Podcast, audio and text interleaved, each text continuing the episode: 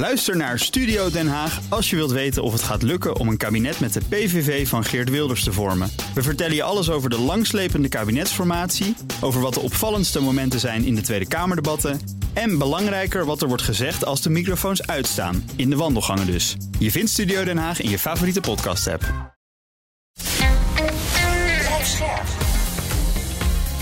BNR Nieuwsradio. Napleiten.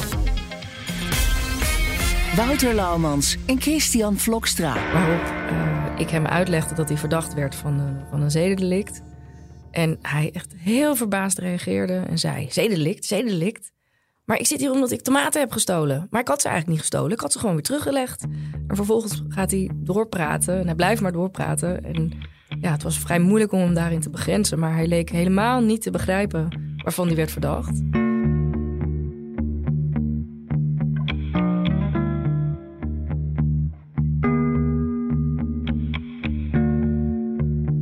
Hallo en welkom bij Napleiten, eh, de podcast waarin we met advocaten en officieren van justitie praten over strafzaken die hen altijd zijn bijgebleven. Mijn naam is Wouter Laumans en naast me als gebruikelijk strafpleiter Christian Vlokstra. Welkom Chris. Dankjewel Wouter. Even de huisregels. In deze podcast praten we over definitief afgedane zaken. En vanwege de journalistieke zuiverheid behandelen we ook geen zaken waar Chris op enige lijn eh, betrokken bij is geweest. Chris, om maar eens gewoon gelijk met een sensationele vraag in uh, de deur. Ja, hoe zeg je dat? Met de deur in huis te vallen. Ja.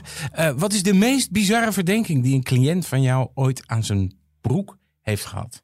Wat is nou zo'n verdenking waarvan je zegt, nou die vertel ik nog wel eens? nou, als we het eventjes, uh, je hebt in allerlei soorten types natuurlijk wel, maar als we het eventjes in de zedenkant trekken, waar we het vandaag ook ja. over gaan hebben. heb ik eens een keer een, een, een, een, een verdachte gehad. Er was zo'n groepje mannen. Die waren na een avond uit met elkaar uh, flink aan de stoeien geslagen. Ook onder invloed Dit heb je van, wel eens uh, verteld volgens mij. Ja, onder invloed ook van, uh, van allerlei soorten drugs. En dat was heel gezellig totdat er uiteindelijk eentje in de ochtend zwaar letsel bleek te hebben. geperforeerde darm volgens mij, nog meer aan de dat soort dingen. artiesteningang, ja. en dat, ja, dat, was, dat had ik tot nog nooit eerder nee. zo meegekregen. Dus dat was wel een, een, een, vrij bizarre verdenking. En uiteindelijk ook wel een, een bijzondere zaak. Maar goed. Ja. Ja. Um, heb jou, Chris, heb je ook wel eens dat je denkt dat je een dossier leest waarvan je denkt waar de rillingen je van een beetje over het lijf gaan ja, tuurlijk, tuurlijk. Weet je, er, jongens, er gebeuren verschrikkelijke dingen in, het, uh, in, uh, ja, in een samenleving in alle landen en ook in Nederland. Uh, ja, goed, weet je, je slaat de krant open en je leest een verschrikkelijk. Kijk, waar ik altijd het meest van gruwel, als ik het gewoon puur op mezelf betrek, uh, is kindermishandeling. Weet je, Ja, die zaken waarbij, waarbij kinderen echt langdurig mishandeld Nee, daar kan worden. ik ook dat, heel slecht tegen. dat trek ik eigenlijk het meest uh, slechte. Maar goed, weet je, Ja. uh, zo heeft iedereen zijn... Nou goed, eh, vooraf even een waarschuwing. Eh, in dit gesprek worden ook expliciete seksuele handelingen besproken. De zaak van vandaag die draait om een 72-jarige vrouw. Zij woont al zo'n 15 jaar bij haar vrijgezelle zoon in dienstwoning in Amsterdam. De twee leven als een soort kluizenaars samen, komen nauwelijks buiten en hun huis is vervuild. In augustus 2013 vertelt de moeder de politie wat haar is overkomen. Het is een bizar verhaal. Ze zegt dat ze meermaals door haar eigen zoon is verkracht. Bij ons aangeschoven vandaag is de Amsterdamse strafpleiter Chrissy Stroobach. Welkom. Dank je. Um, volgens uh, de website van jouw kantoor sta je bekend om het investeren in vertrouwen van je cliënt. Hoe doe je dat? Met heel veel geduld, heel veel begrip, goed luisteren. Uh, en ook vooral doen wat je zegt en zegt wat je doet. Je hebt een aantal uh, ook bekende zaken uh, gedaan. Onder andere, van, onder andere die van de Haarlemse Hells Angels. Uh, maar je doet ook veel zaken in het kader van de nieuwe wet GGZ. Wat, wat, wat houdt die wet precies in?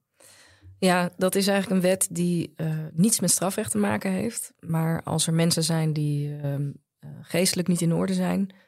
dan kunnen ze ook worden opgenomen, gedwongen worden opgenomen... als het ernstig nadeel voor hen zelf zou opleveren of voor anderen als dat niet zou gebeuren. Dus dat ze eigenlijk een gedwongen behandeling moeten krijgen om dat ernstige nadeel in te perken. Ja. En dat dat niet op vrijwillige basis gaat. Eigenlijk is het best wel bijzonder hè, dat je hier zit. Want, je, want jij geeft niet heel graag interviews, begreep ik. Nee, dat klopt. Waarom niet?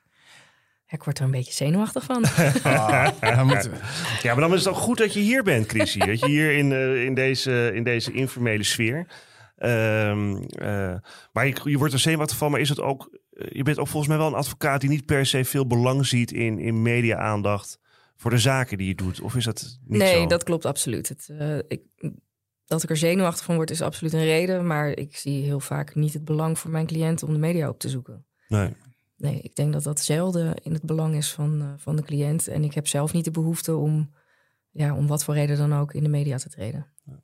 Ja, des te vereerder zijn we eigenlijk dat, uh, dat Chrissy bij ons, uh, bij zeker, ons zeker. natuurlijk. Ik sloeg even aan op wat je zei. Over, vond, ik, vond een goed punt. Hè? Dat, dat, uh, hè, hoe je investeert zeg maar, in, de, in de vertrouwensrelatie met je cliënt. Dat je zegt, ja, je, moet, je moet ook doen wat je zegt. En, en ook zeggen wat je doet.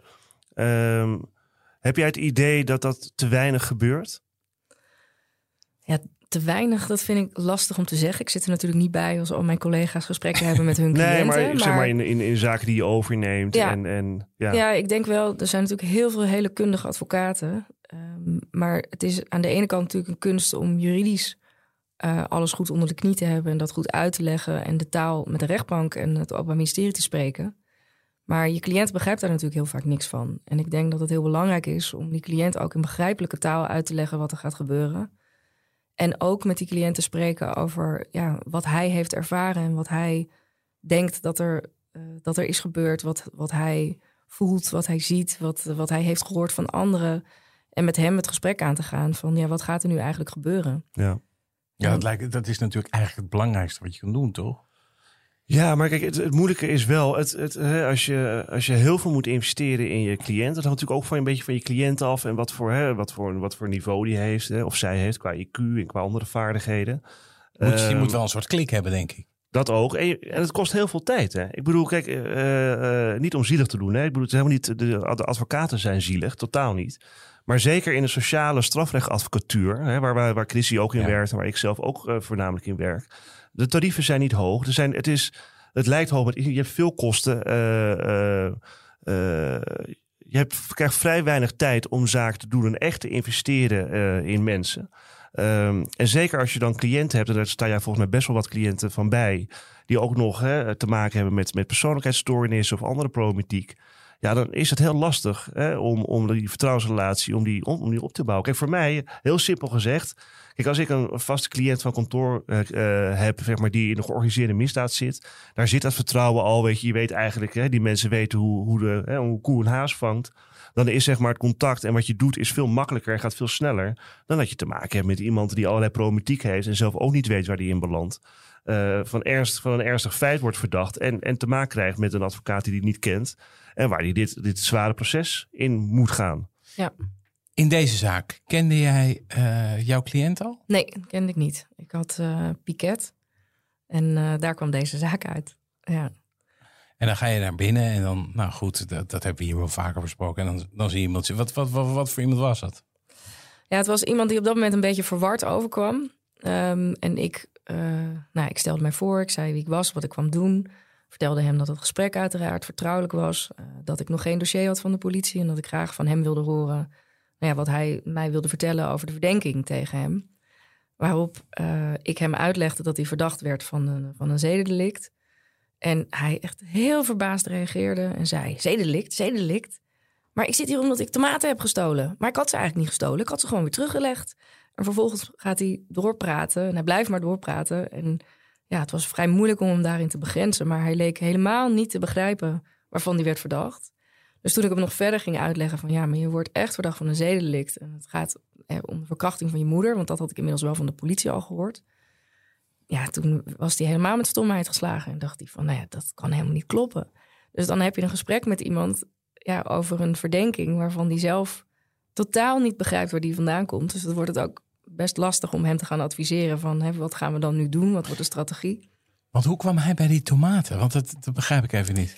Ja, dat weet ik niet. Daar had hij kennelijk een bepaalde herinnering aan dat hij iets had gedaan met tomaten wat niet mocht. En hij dacht dat hij daarvoor was aangehouden. Oké. Okay. Maar jij had dus van tevoren had je wel van de, van de zedenpolitie begrepen ja. uh, waar het een beetje over ging. En dan hebben we het weer over, uh, we hebben het wel eens eerder gehad, Wouter, over advocatenhartjes die sneller gaan kloppen. Uh, niet dat je hier nou per se, maar je krijgt al een melding verkrachting. Je belt bij de zedenpolitie en je zegt, nou, deze man die wordt verdacht van het verkrachten van zijn moeder. Wat, ja, wat dacht jij op dat moment eigenlijk bij jezelf? Want dat maak je ook niet elke dag mee. Nou, volgens mij heb ik nog een keer aan die regisseur gevraagd. Sorry, wat zei u? Waar wordt hij van verdacht? Ja, klopt het wel? Ja, klopt dit wel? En uh, ja, want op de melding, de piketmelding zelf staat alleen een artikel. Er staat natuurlijk niet bij wie er dan verkracht zou zijn. Dus toen ik belde en hij zei dat het om zijn eigen moeder ging, ja, was ik ook wel. Uh, dat hoor je niet elke dag. Verbaasd. Nee.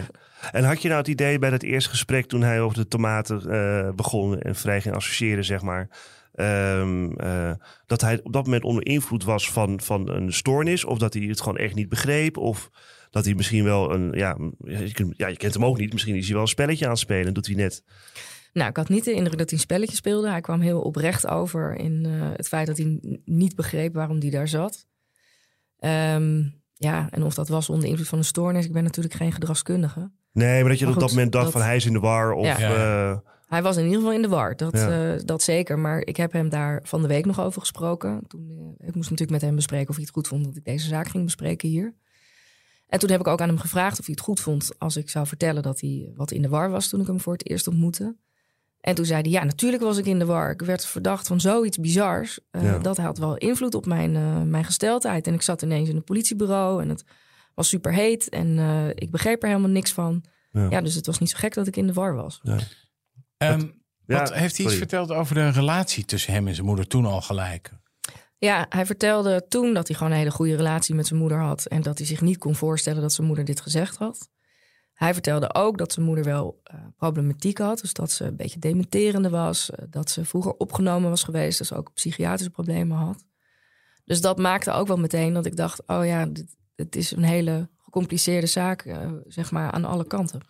Als, als, verdachte en slachtoffer, als die familie van elkaar zijn, maakt dat in juridische zin nog uit? Of is dat, maakt dat gewoon helemaal niks uit? Nou ja, dat maakt volgens ja, dat maakt welke het kan uitmaken bij zedenmisdrijven. Op momenten dat, uh, dat iemand aan jouw zorg is toevertrouwd. Hè, bijvoorbeeld als een kind aan zijn ouders is, is toevertrouwd. Uh, uh, ik zit even na te denken, is dat in dit geval, is dat dan zo of niet? Nou, nee, nee niet voor hoe, de, hoe ze de verkrachting te lasten hadden gelegd. Maar nee. ze hadden natuurlijk ook nog te lasten gelegd dat hij haar had verwaarloosd. Ja.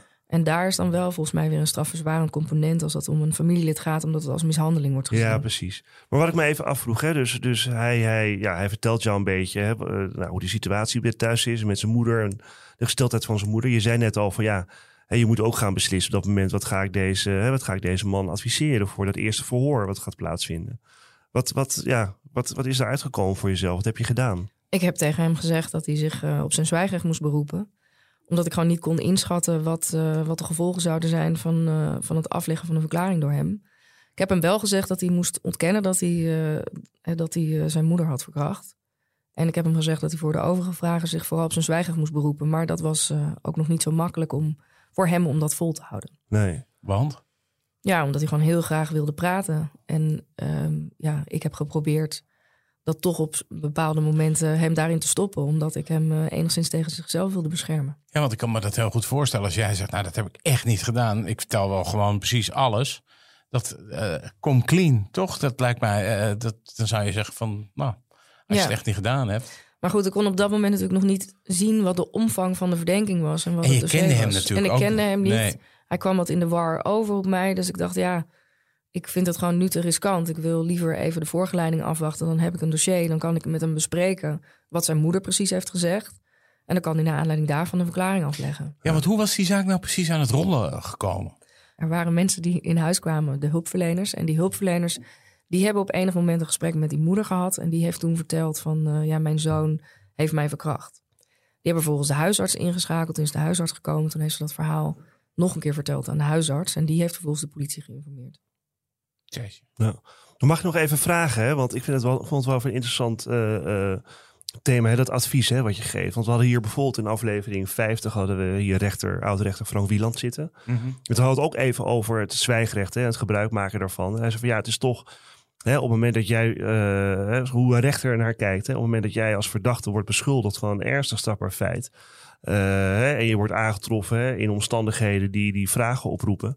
Um, ja, dan, als je dan geen vragen beantwoordt, en dat is natuurlijk nu alleen maar in het eerste stadium geweest, uh, dan, hè, dan, dan, dan roept het toch de vraag bij de rechter van ja, wat is er aan de hand? Hè? Heb je, heb je dan, uh, ben je dan wel schuldig of heb je wat op je geweten? En wat je hier heel mooi ziet, vind ik, hoe Chrissy dat uitlegt. Hè, is dat je als advocaat, het is heel lastig, hè, dat eerste contact. En zeker met iemand die je niet kent, met een ernstige beschuldiging. De, de, de man is zelf verward hè, door de beschuldiging. Je hebt geen idee van context, want je, hè, er worden geen stukken verstrekt hè, aan jou op dat moment al voor dat eerste verhoor. Dus je kunt helemaal niets inschatten. En dan zou mijn advies trouwens in dit geval uh, ook zijn. Van ja, weet je, laat er maar even je beroep op je zwijgrecht. Want we weten eigenlijk helemaal niet wat er aan de hand is voor je het weet. En zeker in zedenzaken. Hè, zeg je iets wat, wat later uh, als een ondersteunend bewijsmiddel wordt gebruikt om je op te hangen. Um, en zo zie je dus hoe, hoe, dat je niet zo snel daar consequenties aan kunt verbinden. Van iemand zwijgt en dus zal die dan wel schuldig zijn. Omdat het gewoon soms ook echt een advies vanuit de, de advocatuur is om dat te doen. Omdat het gewoon zo lastig is in te schatten ja, waar, je nu tegen, hè, waar je nu tegen aankijkt. En wat ik me even afvroeg daarbij. Hoe reageerde de zedenpolitie zeg maar, op, ja, op zijn proceshouding? Want dan kan het er ook best wel pittig aan toe gaan op een gegeven moment. Ja, om heel eerlijk te zijn, weet ik dat niet meer helemaal precies. Nee. En kan je dat ook dan niet echt teruglezen in het dossier, want nee. is natuurlijk alleen maar woordelijk uitgewerkt wat er is gezegd. Wat ik trouwens nog wel weet ook, is dat hij zich ook wel zorgen maakte over zijn moeder. En dat ik ook daarin nog een reden zag van, hè, om, om geen verklaring af te leggen, omdat hij ook zijn moeder niet wilde belasten. En ja, op dat moment gaf hij natuurlijk aan van het klopt niet. Mijn moeder die is ook geestelijk in de, of niet ook, mijn moeder is geestelijk in de war. Uh, en dat maakte ook dat ik dacht, ja, misschien hebben we hier te maken met een valse beschuldiging. En dan heb ik te maken met een zoon die zegt, ja, ik wil mijn moeder niet belasten. En dat heeft ook meegespeeld in mijn advies om te zeggen van, ja, dan kun je maar beter even op je zwijgen beroepen. Ja, want moeder die heeft meerdere keren uh, verklaard over de verkrachtingen die, die zouden hebben plaatsgevonden. Hè? En, ook bij de rechtercommissaris. En daar was jij, uh, jij toen bij. Wat vertelde ze precies? Ja, eigenlijk heel weinig. Het was vooral niet gedetailleerd. Zij heeft ten overstaan van de politie geen verklaring afgelegd. De politie is daar in de woning geweest. Die hebben een procesverbaal opgemaakt. Ze wilde geen aangifte doen. Die wilden ze ook niet tekenen. Uh, vervolgens is de politie uh, mee naar het OM gegaan. En die hebben er wel een zaak van gemaakt. Dat had natuurlijk ook, was voor mij de aanleiding dat ik zei van... nou, dan wil ik die mevrouw ook graag horen. Want ja, dat feit dat zij die aangifte niet wil ondertekenen... dat zegt ook iets. Dus vervolgens heb ik haar als uh, getuige opgeroepen. Mocht ik haar horen. En toen was het ook vrij uh, ja, kort. Ze zei, ja, hij heeft mij gewoon verkracht. En ik heb gezegd, moet je een paar tikken hebben. Maar hij ging niet van me af. En eigenlijk is het daar een beetje bij gebleven. En opmerkelijk in dat verband was ook dat haar dochter, de halfzus van mijn cliënt, ook als getuige is gehoord. En die zei, ja, ze heeft het mij later ook verteld nu. En uh, zij zei, uh, ja, het was net alsof ze het had over het kopen van een broodje kaas. En als ik doorvroeg over de details, dan kreeg ik die niet. Ja.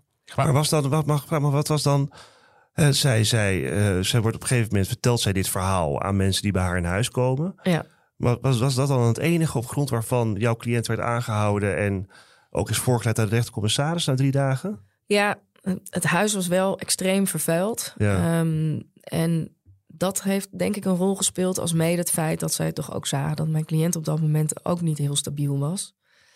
Um, ja, en die moeder die, uh, die had, in, die was ondervoed, had niet genoeg vocht, niet genoeg voedsel binnen. Dus ja, dat allemaal bij elkaar maakte, denk ik dat ze dachten: het is toch wel goed als, uh, als ze allebei even uit dit huis weggaan. Ja. Maar was er bewijs wat de verklaring van die moeder zou ondersteunen? Um, op dat moment nog niet, maar ze hebben die moeder die, uh, die droeg luiers. Um, en ze hebben de luier die zij op dat moment gedragen had, uh, hebben zij in beslag genomen. Zij, de politie. Uh, daar is onderzoek naar gedaan bij het NFI. En daar is uitgekomen dat uh, aan de achterzijde van de luier, aan de bovenkant, spermacellen uh, zijn daar aangetroffen. En die bleken te matchen met het DNA daarvan te matchen met mijn cliënt. Oké. Okay. Ja, dus dat waren, en dat waren eigenlijk de enige bewijsmiddelen die in het dossier zaten. Heb jij wel eens, ja, dat klinkt heel raar. Als ik dit zo hoor, dan word ik, dan, dat, uh, word ik bijna een beetje onpasselijk, omdat het een vervuild huis.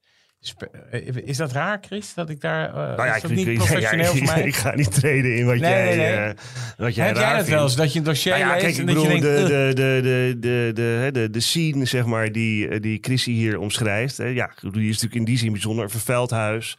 Hè, een, een- een vrouw bij die woont in mijn zoon. Ze beschuldigen hem van verkrachting. Eh, hij reageert erop van, nou, wat is hier aan de hand? En dan blijkt dat er in de luier van mevrouw een aantal spermacellen zitten. Ja, dan van, denk ik, die- gadver.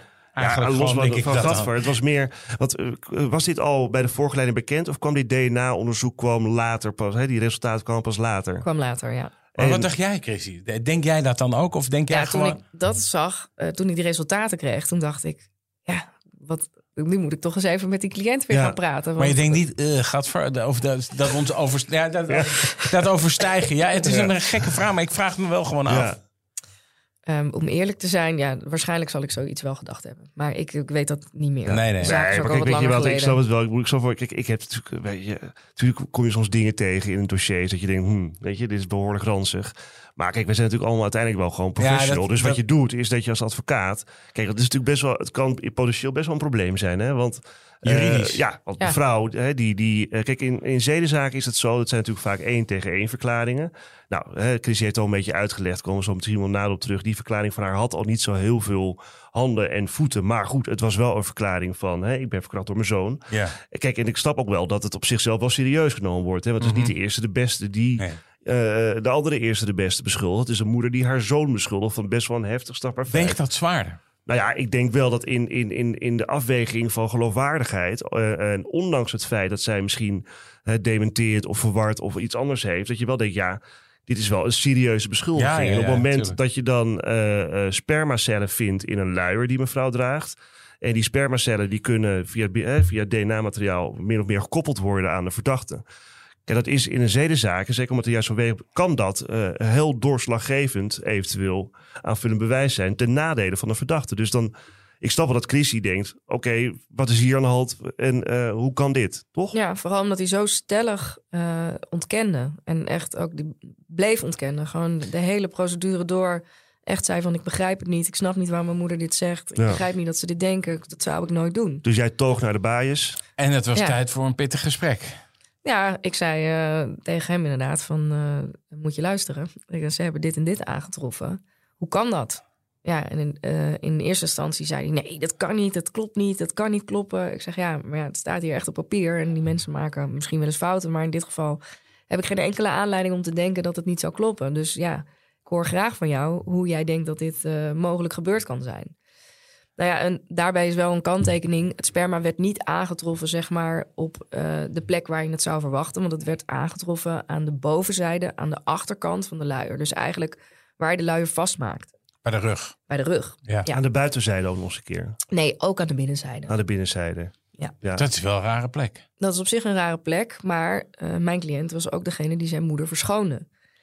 En dat wetende ja. zou het dus zo kunnen zijn geweest, en dat is uiteindelijk ook wat hij zei, eh, van hè, ik heb misschien eh, mezelf een keer afgetrokken, sperma in mijn handen gehad en mijn moeders luier verschoond en mijn handen kennelijk van tevoren niet goed gewassen. Dat gadvergevoel gaat er toch eigenlijk altijd Ja, maar niet ja af. maar, maar, maar als we even, maar als we even proberen los te komen van dat, van dat Sorry.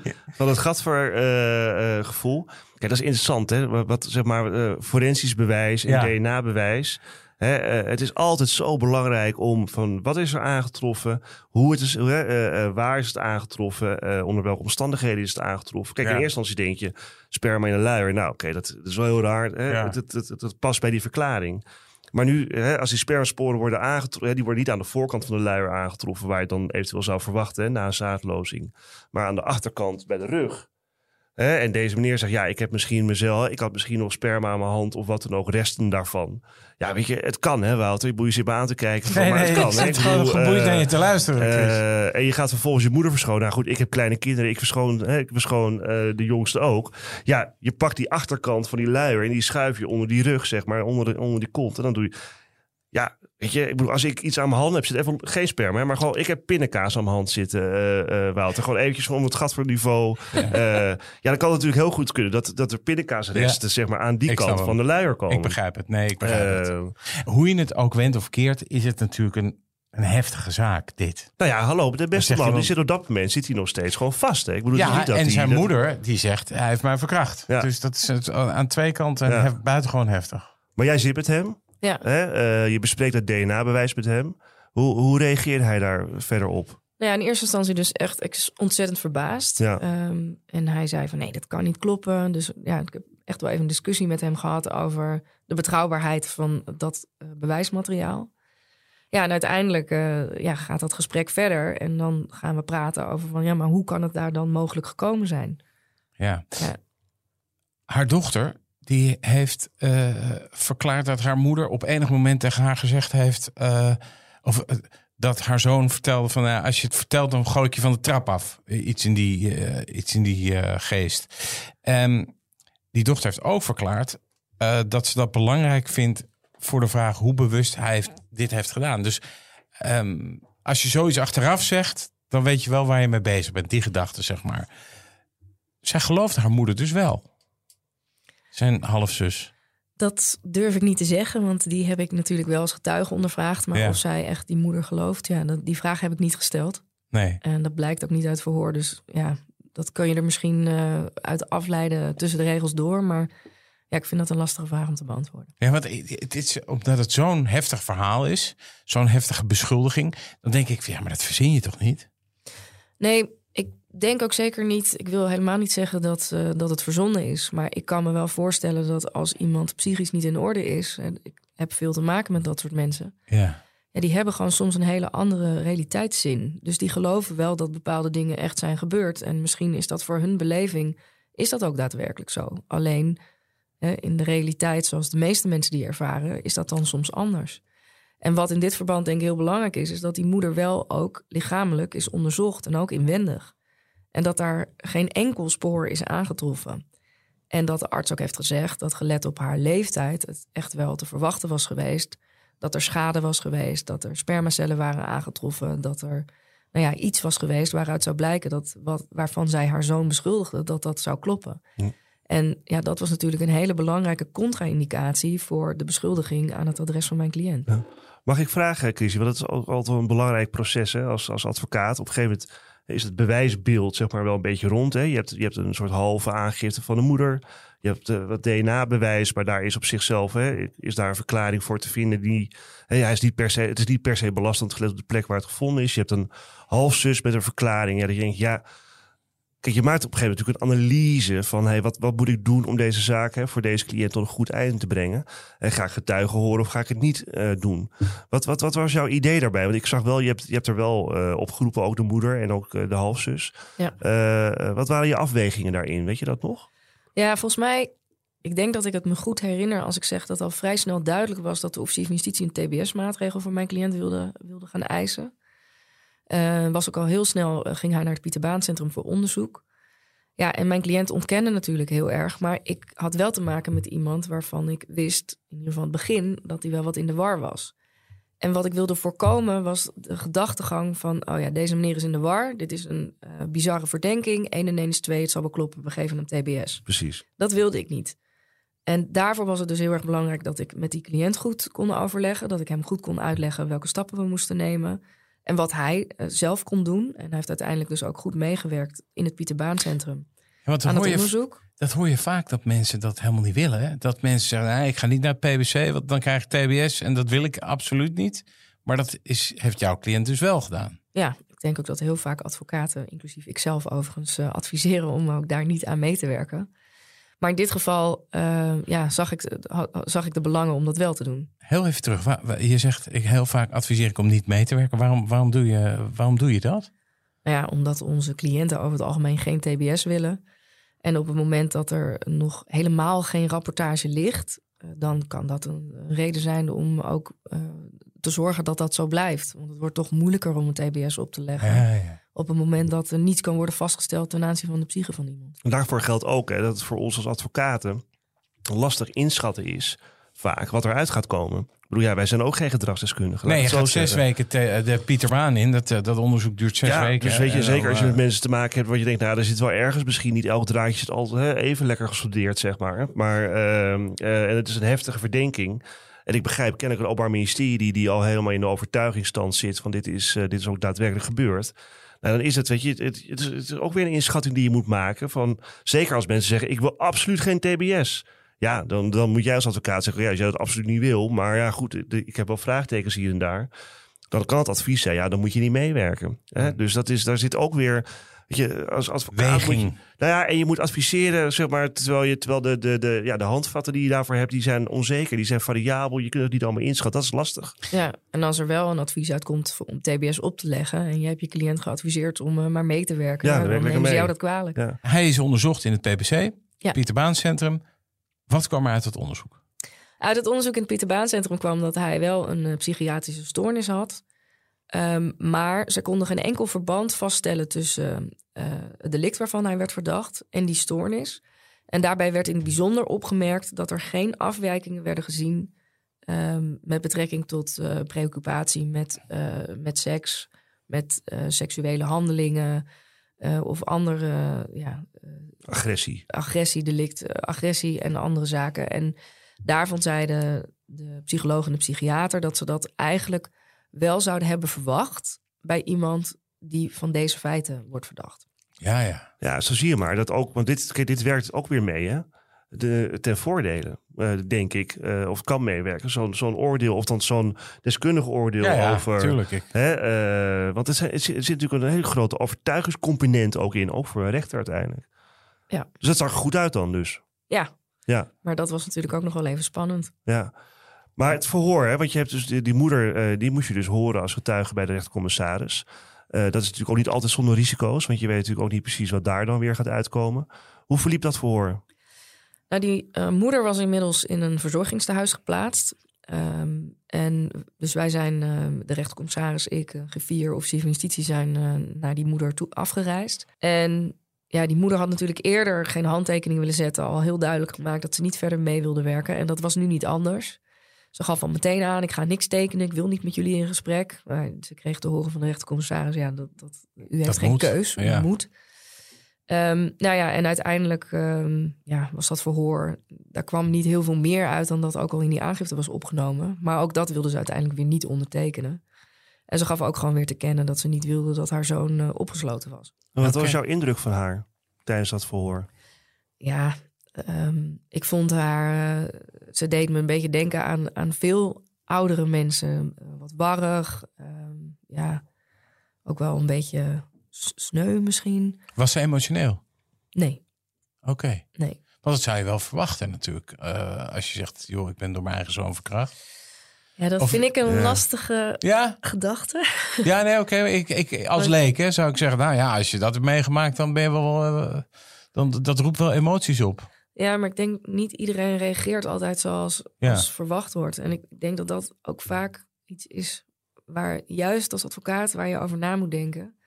Dat eh, ja, de verwachting die, die de meeste mensen hebben over hoe iemand zou moeten reageren in een bepaalde situatie. En als die persoon dan anders reageert, daar dan bepaalde conclusies aan verbinden. Ik denk Ja. dat dat eh, in, in het geval van de, van de advocaat niet zou moeten. Glad ijs is. Nou ja, en Ja. Ook, eh, ook zeker voor rechters en officieren. Ik bedoel, eh, hè, de indruk die iemand maakt, ja, die heeft natuurlijk invloed ook op je oordeelsvorming. Als je, daar moet je je wel bewust van zijn.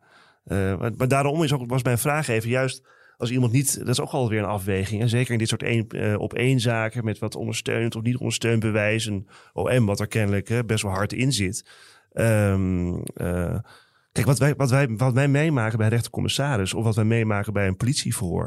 En dat wordt allemaal opgeschreven op papier. Hè? En dat wordt uiteindelijk door die rechter die, die de zaak moet gaan beoordelen, wordt dat gelezen. Alleen de indruk die, dat, hè, die een getuige maakt, dat, dat, dat kun je niet eigenlijk mm, heel moeilijk op papier krijgen. Ja. Dus dan kun je ook als, als advocaat denken, op het moment dat je een getuige hoort die, hè, die essentieel is, in dit geval de moeder, en een slechte indruk maakt eh, bij de RC, van ga ik haar oproepen, bijvoorbeeld op de openbare zitting van de rechtbank, omdat ik ook wil dat die rechtbank, die uiteindelijk gaat beslissen, haar ziet. Is dat nog een afweging geweest voor jou? Ja, zeker. Maar eh, in dit geval eh, heb ik dat natuurlijk ook besproken met cliënt. En die wilde zijn moeder niet belasten. Nee. Dus het was, het was een hele rare eh, onderlinge werking tussen deze twee mensen. Aan de ene kant een moeder die ja, haar zoon beschuldigt, maar dan vervolgens eigenlijk geen stappen verder wil zetten. Een zoon die zijn moeder wil sparen. Hadden zij contact met elkaar? Bijvoorbeeld eh, dat zij hem kon bellen. Hij zat vast, hè, neem ik aan. Hij zat vast, ja. Maar was er contact? Kon hij, konden ze bellen? Eh, eh, kon hij haar bellen of zoiets? Is dat gebeurd? Dat volgens jij weet? mij, dat ik weet, volgens mij niet. Omdat ze dus, eh, ja, moeder wist niet waar haar zoon verbleef. Eh, en Ja. de zoon wist niet waar moeder verbleef. Want moeder is uit huis gehaald ook. Ja. Dus de zoon is meegenomen door de politie. En Mhm. moeder die is vervolgens in een verzorgingshuis gestopt. Te huis gestopt. Ja, is is dat toegestaan dat jij, eh, als je eh, verdacht wordt van een, eh, van een feit dat je contact opneemt met het slachtoffer?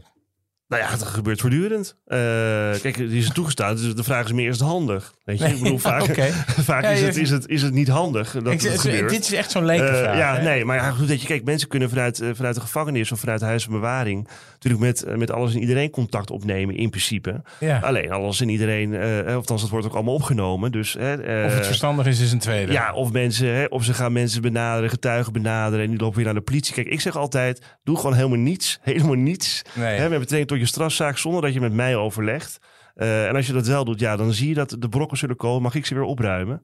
Uh, nee, ja, goed. Dat, Christy zit te grinniken. Maar, kijk, maar, je kunt natuurlijk best, maar je kunt natuurlijk best wel hebben...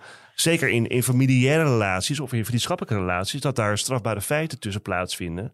Hè, en dat iemand daarvoor vervolgd of bestraft of misschien wel vastzit. Ja. Terwijl er nog steeds wel gewoon nog liefde is en contact is. Joh, je moet eens weten in partnergeweldzaak wat voor, wat voor dingen er allemaal plaatsvinden. Joh. Dat is, Weet je, en dan zit je als advocaat zit je er ook maar een beetje tussen. Van nou, ik hoop dat dit goed gaat en dat hij geen gekke dingen doet, zeg maar. Klinkt dit allemaal herkenbaar? Ja, ja. de contactverbod opleggen met, uh, met de aangeefster. Maar dan hebben ze ondertussen besloten dat ze gaan trouwen en zijn ze verloofd. en dan is de vraag, ja, hoe gaan we dat contactverbod in godsnaam uh, handhaven? Maar hoe lang heeft hij dan vastgezeten tot aan de, totdat de zitting echt was, zeg maar? Ja, maar op zich heeft volgens mij de voorlopige hechtenis niet heel lang geduurd, als ik mij niet vergis.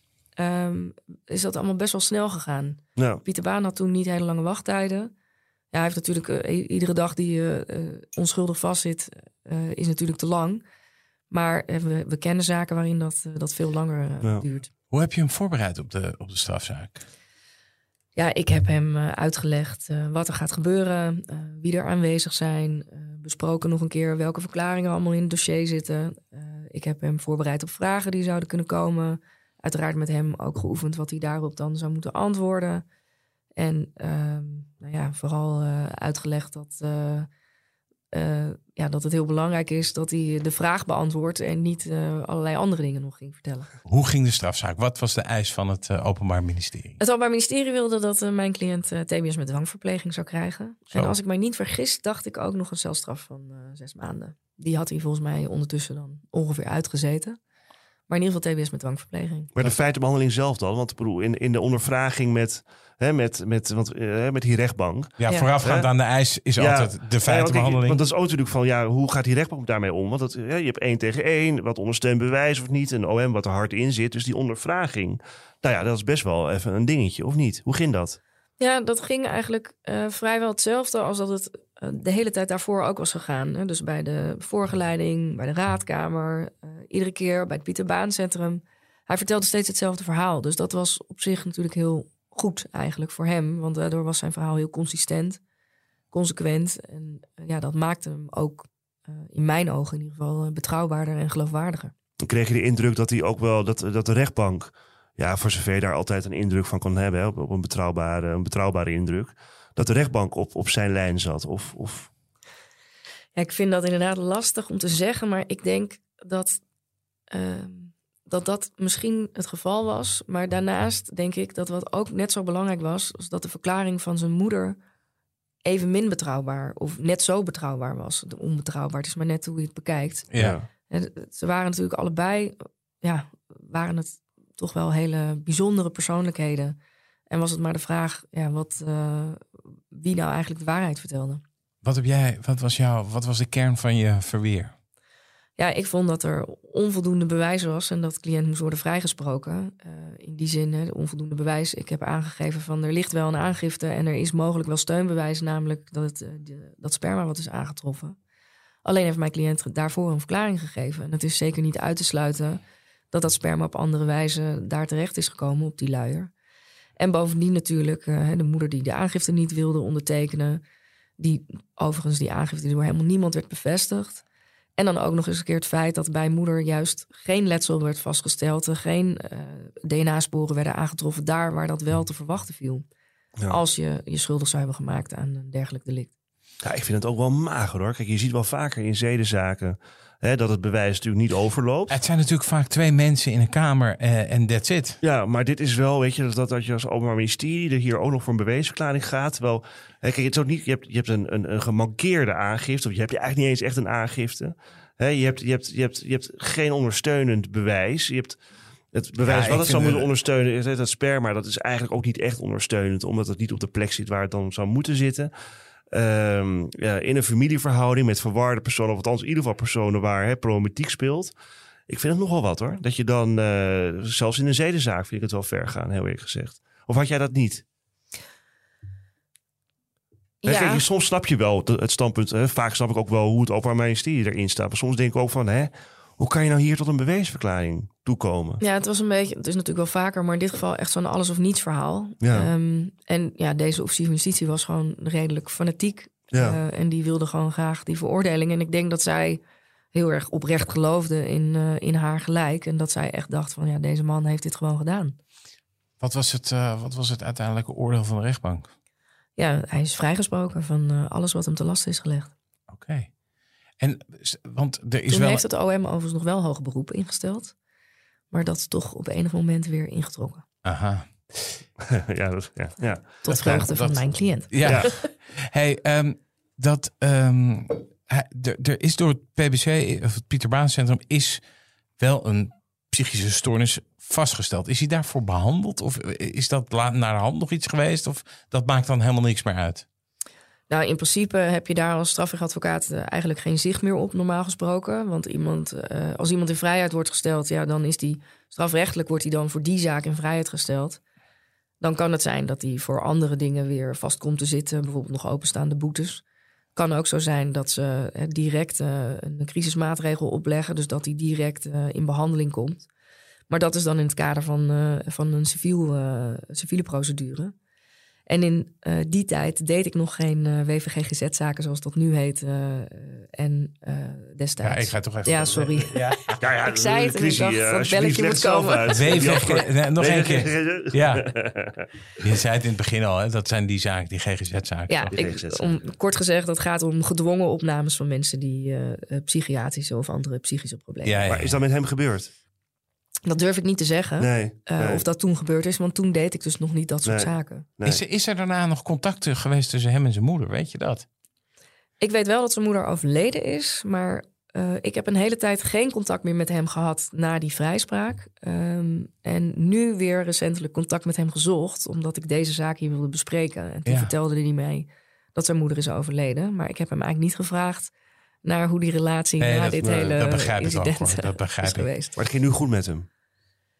Ja, ja, Ja. het gaat nu goed met hem. Ja. Hoe kijk jij nou terug op deze zaak? Ja, het is denk ik ja, toch wel een van de meer bijzondere verdenkingen die ik eh, ooit eh, in mijn praktijk ben tegengekomen. Ja. Ja. Chrissy Stroobach, bedankt voor je komst naar onze studio en voor dit verhaal. We zijn er een maand uit, hè? Ja, van Vanaf- maand januari De maand januari gaan we heel even tot rust komen. een break nemen eh, met napleiten. Daarna komen we gewoon weer terug, overigens. Ja. We zijn nog wel, eh, volgens mij, eh, ja, we gaan twee weken met- met Proforma zijn we er wel weer ergens in, eh, in januari. Ja, dat is te beluisteren. op Podimo, Ja, maar napleit gaat er even een maandje uit. Even een maandje eh, Even rust. een versnelling achteruit. Precies. Dit was napleiten. Het vonnis in deze zaak is niet gepubliceerd, dus dat kunt u helaas niet teruglezen.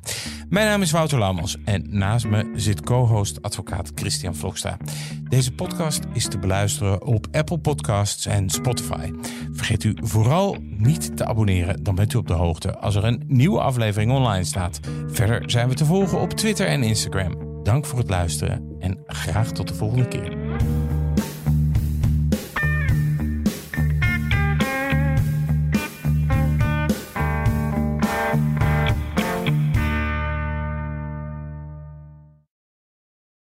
Ook Thomas van Zeil vind je in de BNR-app. Je kunt live naar mij luisteren in Zaken doen, de BNR-app met breaking news, het laatste zakelijke nieuws en je vindt er alle BNR-podcasts, bijvoorbeeld Het Nieuwe Geld. Download nu de gratis BNR-app en blijf scherp.